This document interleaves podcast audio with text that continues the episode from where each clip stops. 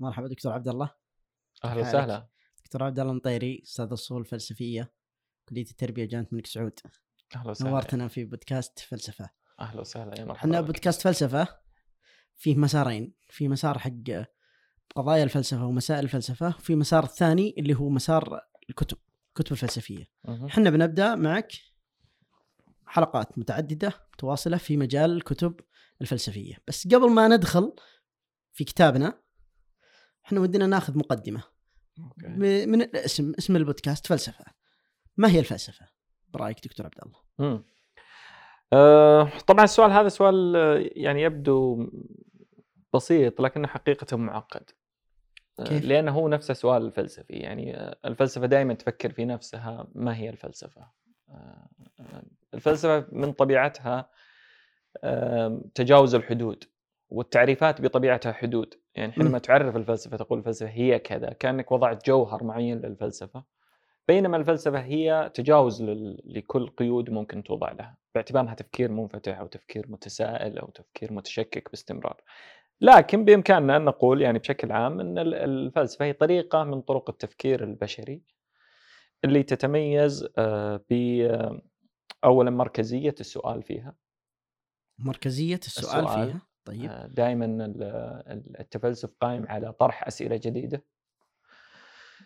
آه، كذلك ال- الفلسفة قائمة على فكرة الدهشة آه، بمعنى أنها دائما تقاوم آه، الاعتياد المألوف. المألوف آه، فهي بهذا الشكل هي خروج عن المألوف خروجا عن المعتاد وخروج عن المتعارف عليه آه، كذلك آه، الفلسفة نقدية آه، تتميز الفلسفة بأنها فكر نقدي. آه، دائما يتساءل وهذه يمكن جاية من نفس نفس فكرة السؤال إنها نقدية بمعنى إنها دائما متشككة دائما الفيلسوف هو ذلك الشخص.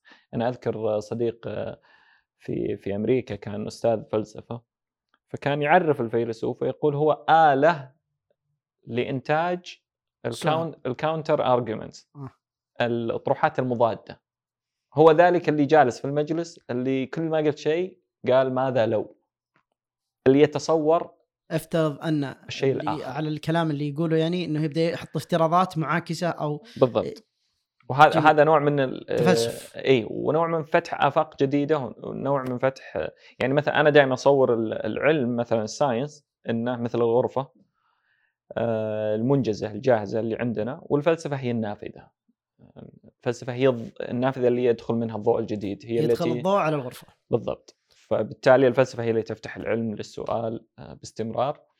آه، فإذا يعني لخصنا الجواب قلنا أن فكرة السؤال في الفلسفة فكرة الدهشة فكرة النقد آه، ويمكن نختم بالتفكير العقلاني. يعني الفلسفة تختلف عن باقي التعبيرات الإنسانية بأنها عقلانية. الفيلسوف دائما يسعى لإقناع الطرف الآخر. الفيلسوف لا يعبر عن نفسه. هو يعبر في الفضاء العام يعني يعبر عن شيء يفترض أن يقنع الآخر يعني الفيلسوف حينما يتحدث عن عن قضية معينة هو يراهن على أن الطرف الآخر سيقتنع سيق- بنفس الكلام ويقبل به. ليه؟ لأنه قاعد يعتمد على ال- الموضوعية الفكرة المشتركة. عكس على الشاعر العقل. عكس الشاعر. الشاعر حينما يعبر عن نفسه إحساس. هو لا يريد إقناع الآخر هو يريد التأثير على الآخر. عاطفيا يريد استثارة مثلا مشاعر معينة. لكن الفيلسوف يراهن على على عقل الطرف الآخر. فحتى الفلاسفة اللا عقلانيين اللي هم ضد العقل نفسه هم عقلانيين بهذا المعنى. بلا يعني عقلانيتهم. بالضبط. عقلانيين بلا. بالضبط. لا لابد أن يستخدم ال- الاطروحه العقلانية أو الحجة العقلانية لإثبات قصور العقل آه، فهو لا عقلاني ولكنه عقلاني في منهجه في نفس الوقت. طيب آه، اسمح لي من تعريف الفلسفة سم. بسأل سؤال يعني جانبي. الآن الشخص اللي بيشتغل بالفلسفة واللي بيقرأ الفلسفة ما يمارس ذي الأشياء أحيانا وإنما. فقط عبارة عن يعرف تاريخ الفلسفة ويعرف آراء الفلاسفة بس ما يسوي الأشياء اللي تقوله ما فيه نقد ما فيه سؤال بل إنه أحيانا يسلم بالكلام كله اللي يقوله سواء يعني. تلقى مؤيدين الفلسفة ومحذرين منها كلهم يدورون حول نفس الفكرة وكأنه إن الواحد ما يفكر ولا ينقد فهمت عليك. فصار مم. كثير من. اللي يشتغلون ما, ما, ما عندي إحصائية طبعا بس أقول كثير من اللي الآن تلقاه بدو وإنما عبارة عن ترديد عبارات ما ينقد ما. عنده سؤال للمؤلف لو مسكت كتابه ما وجه أسئلة ما في دهشة فوش فادت ال... يعني أين أين الفلسفة من اللي هو يسويه؟ يعني هو الإنسان ممكن يهتم بالفلسفة كمؤرخ ولا مثلا كمطلع على التفكير البشري ولا يعني الفلسفة ممكن أن تهتم بها من أكثر ممكن تهتم بها ك... كنق... كنص أدبي أصلا يعني كطريقة كتابة وكذا لكن أن تهتم بالفلسفة من أجل التفلسف فهو يحتاج آه، القضايا اللي أنت تفضلت فيها أو اللي ناقصة عند الشخصيات اللي أنت تكلمت فيها. فاللي أنت تتكلم عنهم آه، أنا بسميهم مهتمين بالفلسفة منشغلين ربما بقضايا فلسفية لكنهم ليسوا فلاسفة أو لا يريدون أن يكونون فلاسفة فيكتفون بالاطلاع على التراث الفلسفي، الاهتمام بقضايا، أحيانا الاستمتاع مجرد الاستمتاع يعني قراءة النص الفلسفي أحيانا تستمتع وتستسلم لفكره الاستمتاع وتكتفي بها. لأن زي ما تعرف أنت القراءة النقدية والدهشه والمتحفزة والمتسائلة هي قراءة متوترة. يعني نعم. هي متوترة يعني فيها توتر وفيها فيها القلق وفيها, وفيها جانب القلق أيضا الخروج عن مألوف أحيانا. بالضبط وفيها مقاومة بالضبط مقاومة اجتماعية مقاومة حتى نفسك إنك تواجه نفسك بأسئلة معينة. فاحيانا الإنسان يختار إنه ما يتوجه لكل هذا الجانب المكلف هو حقيقة مكلف ويستسلم لمتعه الاستماع ومتعه الاطلاع آه، بدون ما آه، ومشاركة أحيانا الآخرين بأنه يشرح لهم نظريات فلسفية آه، بدون ما يتصدى. وهنا يصير في بعدين في إشكاليتين. هل الإنسان واعي بهذا الدور وهذا الاتجاه اللي أخذه أو أنه يعتقد أنه متفلسف في نفس الوقت؟ الخيار الثاني هو اللي فيه مشكلة أن يعتقد أنه متفلسف وهو ماخذ الاتجاه المستسلم أو المرتاح أو عدم القلق آه، مع الفلسفة. هنا تصير إشكالية مش إشكالية بحد ذاتها بقدر ما هو كيف يقدم نفسه للاخرين كيف يعني نفترض أستاذ جامعه مثلا يدرس الفلسفة وهو بهذا ال... أو أستاذ عالم وهو. بهذا بهذا الأسلوب فما راح تكون عنده شعلة التفلسف وبالتالي ما راح يحفز طلابه ما راح يحيي فيهم روح النقد روح الشك روح التساؤل روح الدهشة. فما راح يكون أفضل شخصية ممكن تمارس يعني الفيلسوف بيكون لو صار أستاذ جامعه وهو فيلسوف بيكون أول من يفرح بمخالفة طلابه له. بالضبط ويحتفي بها ويدعمها و... طيب يعني. آه... اسمح لي على الشطحه شوي. أستاذ شارع وقيان فتح آه، حساب بتويتر وكتب فيلسوف سعودي. أيه. أنت لما تقول الفلسفة هي عبارة عن مركزية السؤال وعن النقد وعن العقلانية. وهذه الأشياء. ليش الناس استنكروا إنه كتب فيلسوف؟ وهذه الأشياء ممكن تتوفر في الواحد عمره 30 40 50 مو بلازم يكون شايب عمره 70 سنة. وش يعني اللي استنكروا مو مثلا ضد الفلسفة ولا استنكروا اطلاقه على نفسه فيلسوف. وش السبب؟ وهل توافقوا أو لا؟ أول شيء. طبعا آه، شايل القيام فيلسوف فيلسوف حقيقي ويحق له أن يسمي نفسه آه، مش فقط هو يسمي نفسه يعني الوسط الفلسفي السعودي يعترف بفلسفته وإنتاجه. هذه جميل. قضية منتهين منها. ردة الفعل اللي صارت آه، أنا أحللها كالتالي.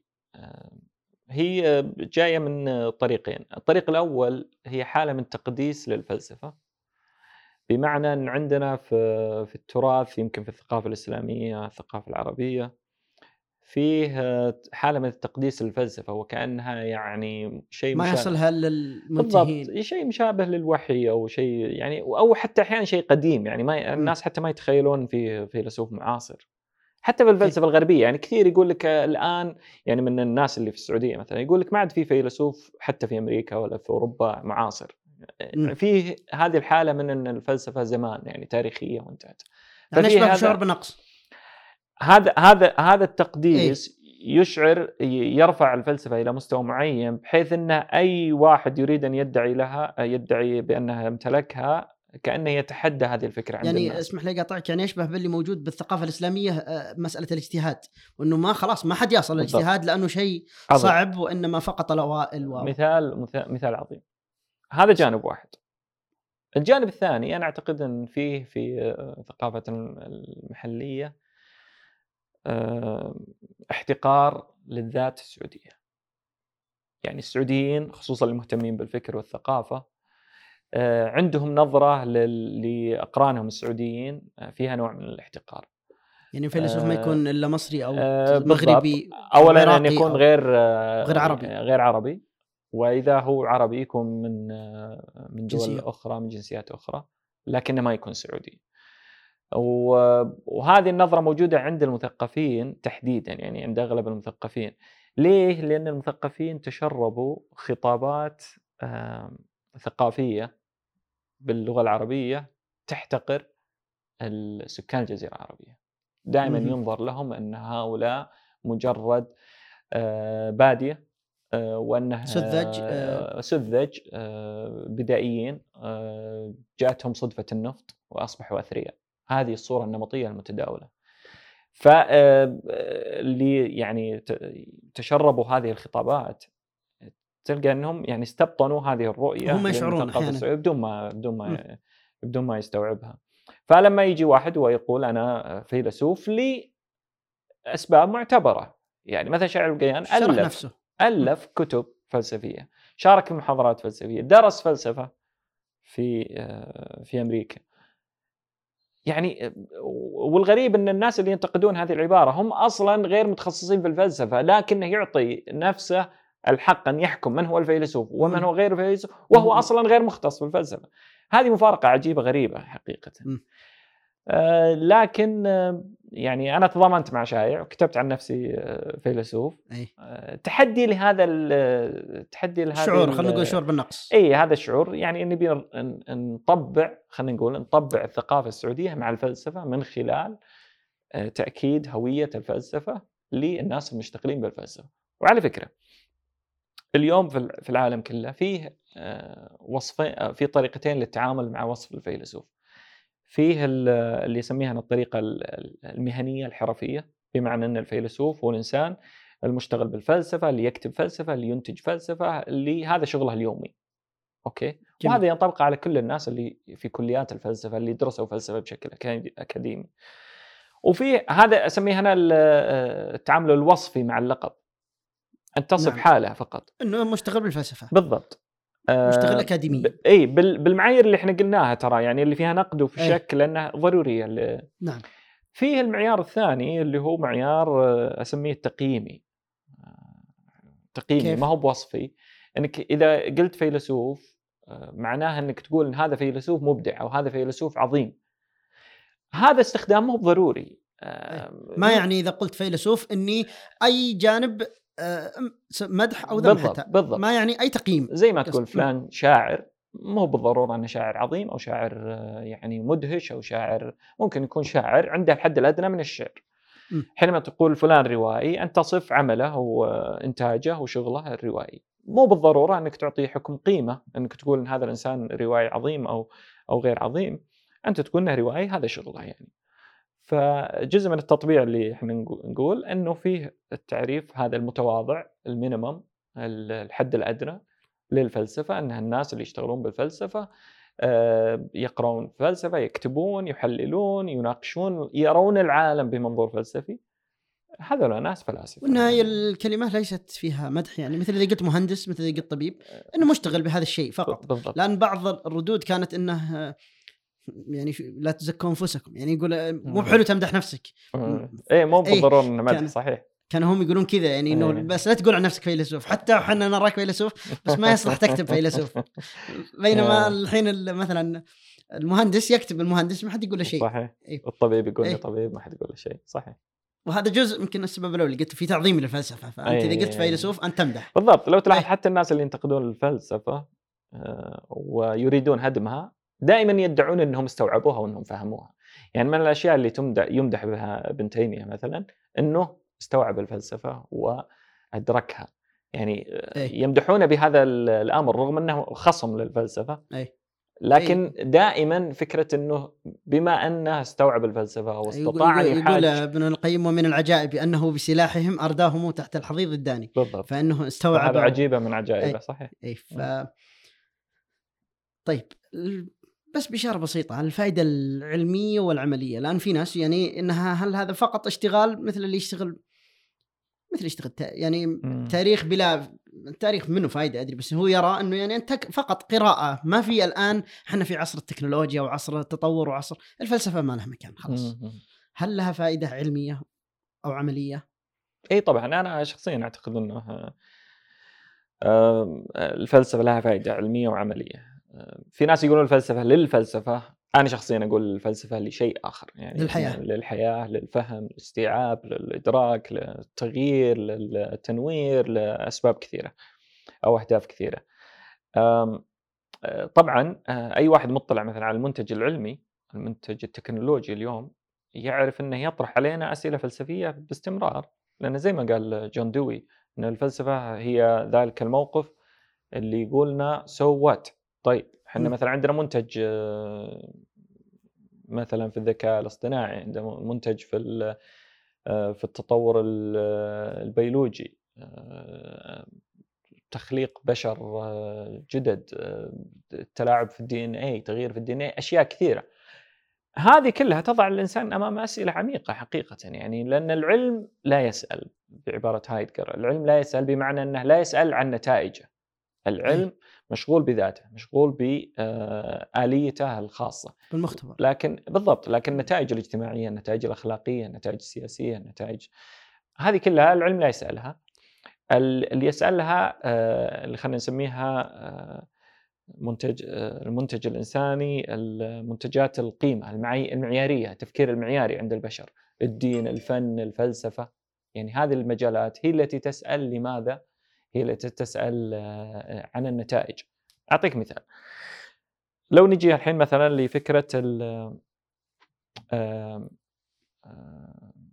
القنبلة الذرية وفكرة تفجير إن عندنا نتيجة عندنا قنبلة ممكن تفجر العالم كله وتهلك البشر كلهم.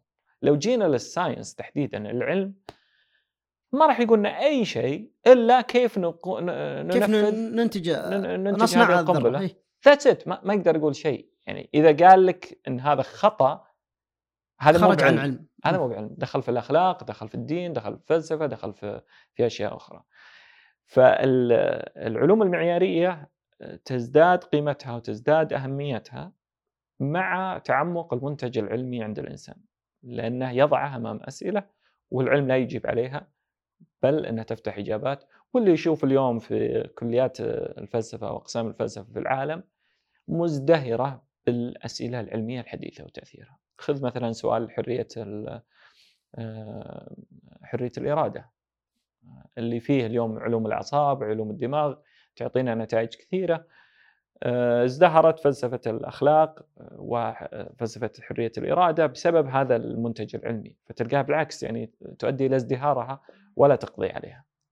جميل طيب ما أدري صح أو خطأ يعني صحح لي إذا كان في العلم نفسه بفكر مثلا اختراع مثلا مثل الهاتف إذا طبقنا تعريف الفلسفة كان فيه سؤال هل أقدر أتواصل مع البعيد؟ وكان فيه دهشة، كان فيه خروج عن المألوف، وكان فيه نقد فإذا طبقنا هذه كان في تفلسف قبل عملية ان اصل للمختبر فما آه. فتحديد الفلسفة إنه إما مسائل مثلا الميتافيزيقيا أو مسائل ذا مو فيه يعني نوعا ما إني حصرت وإنما الفلسفة هي أكبر انه حسب التعريف هو العالم فعلا ممكن يتفلسف لكنه في في لحظة تفلسفة يطلع من كونه عالم ويصير فيلسوف.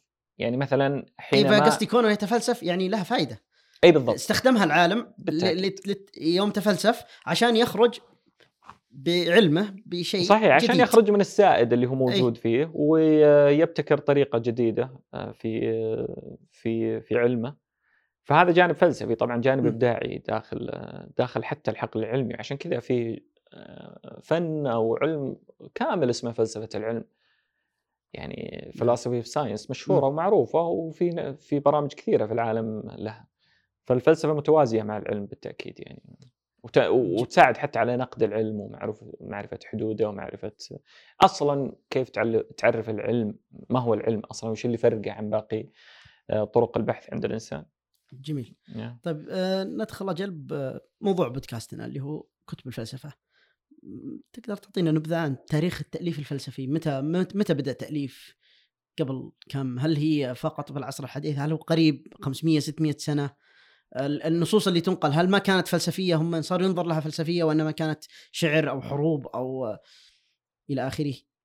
والله شوف هو صراحة الكتب اللي بمعنى كتب يعني بمعنى نصوص متكاملة اللي وصلت لنا أه تقريبا يعني من الحضارة اليونانية.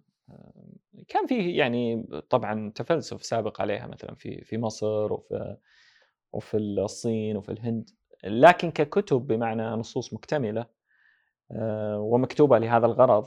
آه، فهي النصوص الموجوده في الثقافة اليونانية تقريبا خمس خمس قرون قبل الميلاد يعني خمس 500 سنة قبل الميلاد.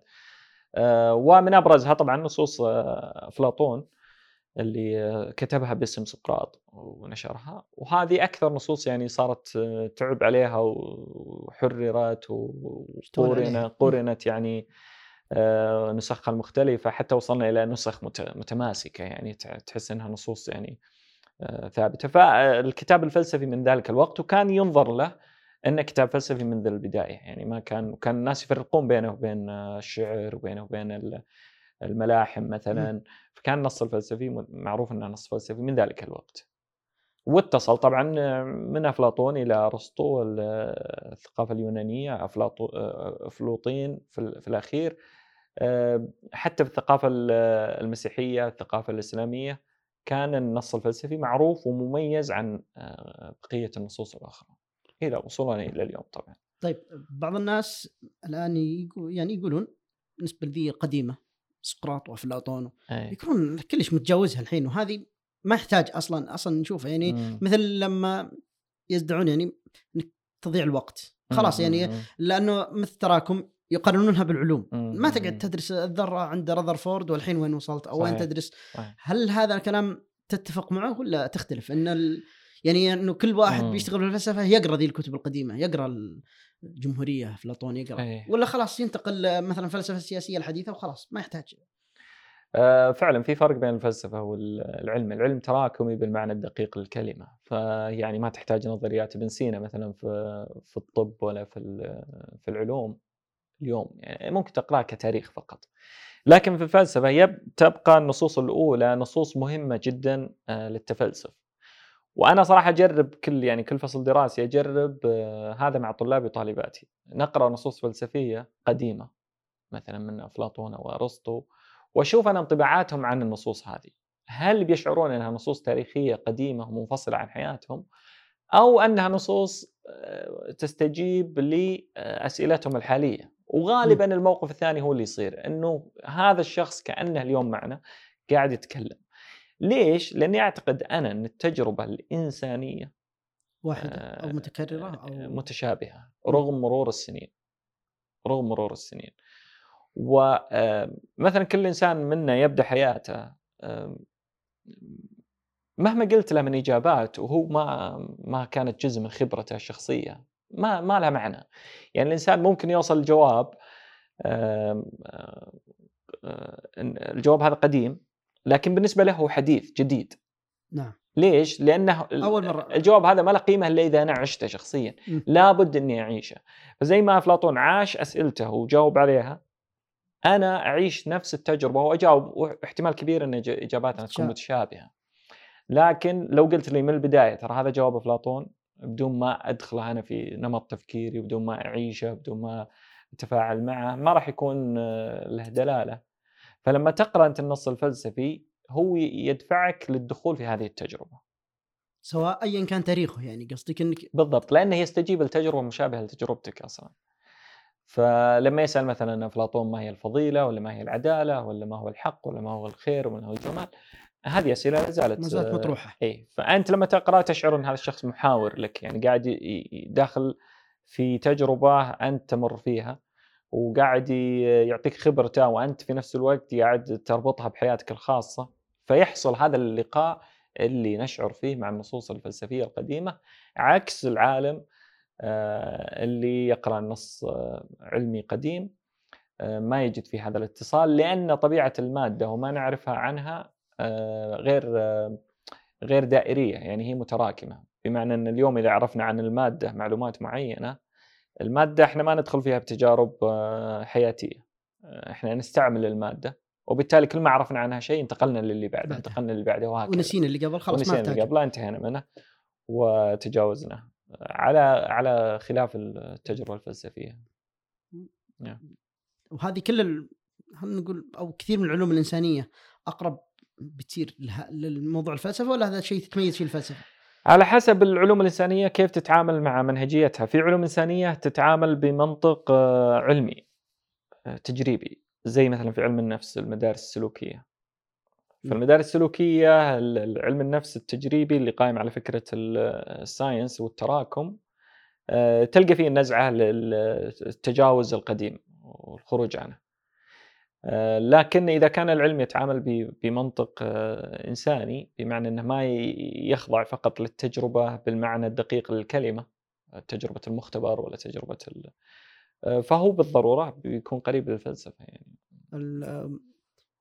مثل التاريخ مثلا إن التاريخ مصادر ما نقدر نقول نستغني خلاص نجي للجديد مثلا لأني بنظر أنا الكلام التاريخي بنظرة ممكن غير وبحلل تحليل ثاني.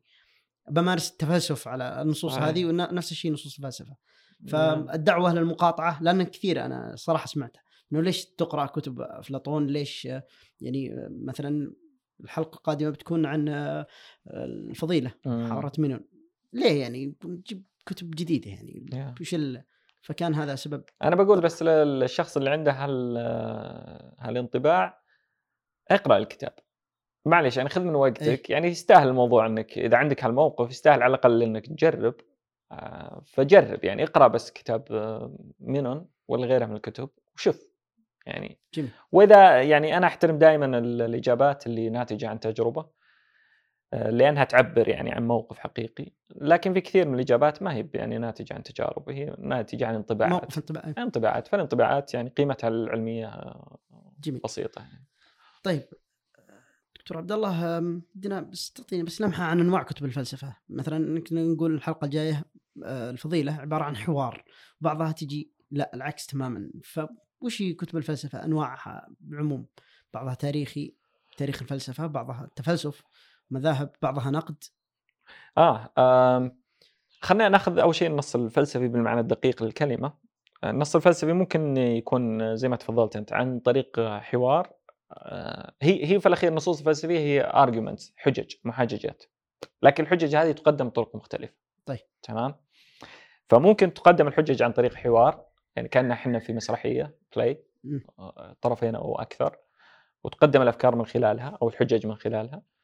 آه، فيه بطريقه ثانية اللي هي طريقة الشذرات زي مثلا عند نيتشه إن تقدم الحجة زي الكبسولات أفكار إيه. يعني منفصلة. منفصلة ظاهريا لكنها متصلة موضوع واحد أو آه، بالضبط. وفيه النصوص خلينا نسميها الكلاسيكية اللي هي حجج منطقية مبنية بطريقة متسلسلة ومتراكمه وهذا هو الغالب في كتب الفلسفة إنه يقول لك هذا موضوعي فيبدأ يبني حجته آه، على مدار الكتاب ومن خلال فصول مختلفة. آه، فالثلاث طرق أنا أعتقد إنها هذه هذه طريقة كتابة النص الفلسفي، لكن الفلسفة ممكن يعني في كتب فلسفية ليس بمعنى إنها آه، تقدم فلسفة جديدة ولكنها مثلا كتب تاريخ الفلسفة. يعني ممكن وولد ديورنت مثلا كتب عن تاريخ الفلسفة هو ليس فيلسوف لكنه كتب عن تاريخ الفلسفة. فممكن يعني كتب من هذا النوع تكون موجودة في الكتب المدرسية اللي تقدم مقدمات آه، مبادئ الفلسفة في مبادئ الفلسفة الأسئلة الرئيسية في الفلسفة مذاهب الفلسفة مبادئها وهكذا يعني. وكلها لها قيمة على فكرة يعني. آه، لأنها كلها تكمل بعض. آه، فتشوف الجامعات دائما فيه موازنة بينهم. يبدون بكتب المقدمات كتب المداخل ثم ينتقلون إلى النصوص الفلسفية الأساسية. طيب بس آخر شيء آخر شيء بنختم حلقة اليوم. حلقة حلقة الرياضة الفلسفية. بس ودي ودي آخذ كذا لمحة عنها تجربة م. تجربتكم فيها. من 2008 الحلقة بدت يس. فلانه شيء مو مألوف عندنا م. الحلقة. وكثير الواحد عادة اللي بيقرأ فلسفة يروح المكتبه يسحب كتاب يصير قرا خذ عالم صوفي مثلا أخذ ما يدري وش يسوي. يعني صحيح. ما يدري. وإذا قرأ أحيانا بعض الكتب ما يفهم. ففي الرياض كان في حلقة وصار لها الحين من عشر سنة تقريبا. فودي بس تجربة سريعة تذكرها. أي. دعاية غير مدفوعة يعني. آه، حلقة الرياضه الفلسفية قصتها طبعا آه، هي شكل من أشكال تشكل المجتمع المعرفي الفلسفي. آه، هذا المجتمع نشأ في بداياته أو صار فيه اتصال تقريبا من 2003 2004 يعني مع انتشار الإنترنت في السعودية وصار في منصات عامة.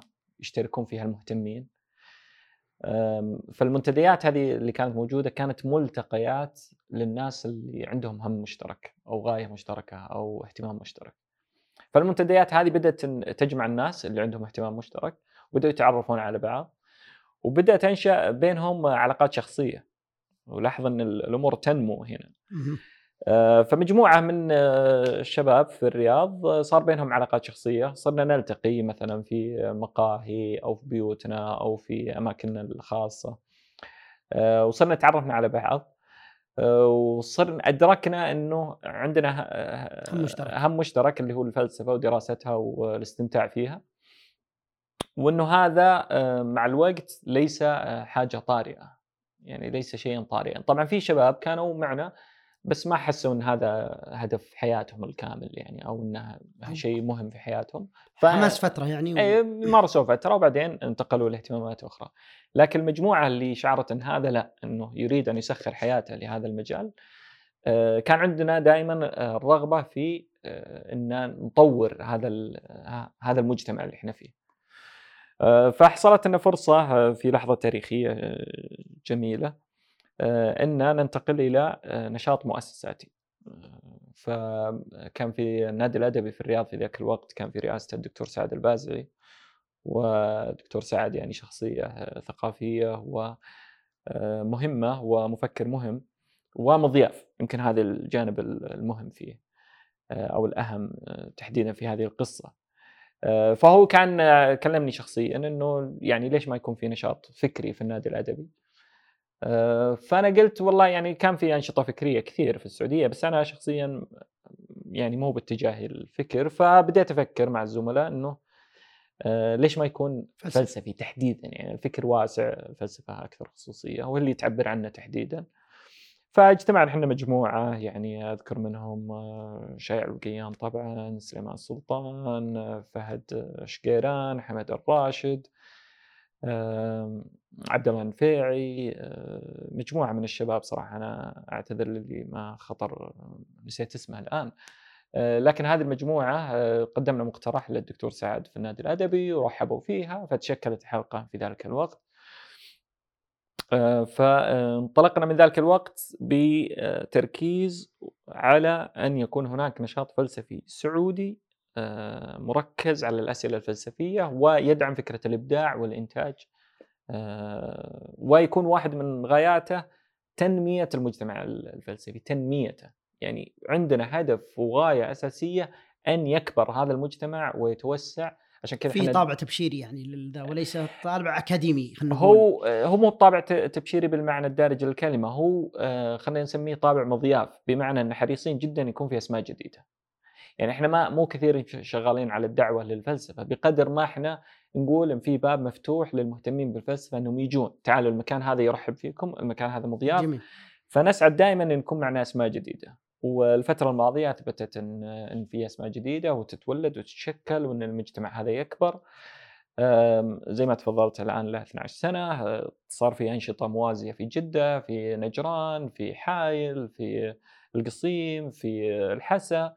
فيه أنشطة قاعدة تتولد نفس الاهتمام الفلسفي اليوم إحنا عندنا غاية وهدف إن ننتقل من حلقة الرياضة الفلسفية إلى جمعية فلسفية يكون في جمعية بقول لك هل. فيه ما هل فيه yes. ذا إنه تكون yes. جمعية فلسفية سعودية أو ال- بالضبط هذا هو. الغايه وهذا الهدف وأتوقع إن اللحظه أيضا السياسية الموجودة الفكرية الموجودة الثقافية الموجودة الآن في السعودية تسمح بمثل هذا آه، هذه النقلة فإحنا مستبشرين خير بهذا آه، نريد أن يكون في جمعية فلسفية نريد أن يكون في أكاديمية فلسفية نريد أن تدخل فلسفة في الجامعات آه، بمعنى أن تكون الفلسفة جزء آه، طبيعي من الثقافة السعودية وتمارس دورها كما تمارس العلوم الأخرى دورها في المجتمعات الأخرى.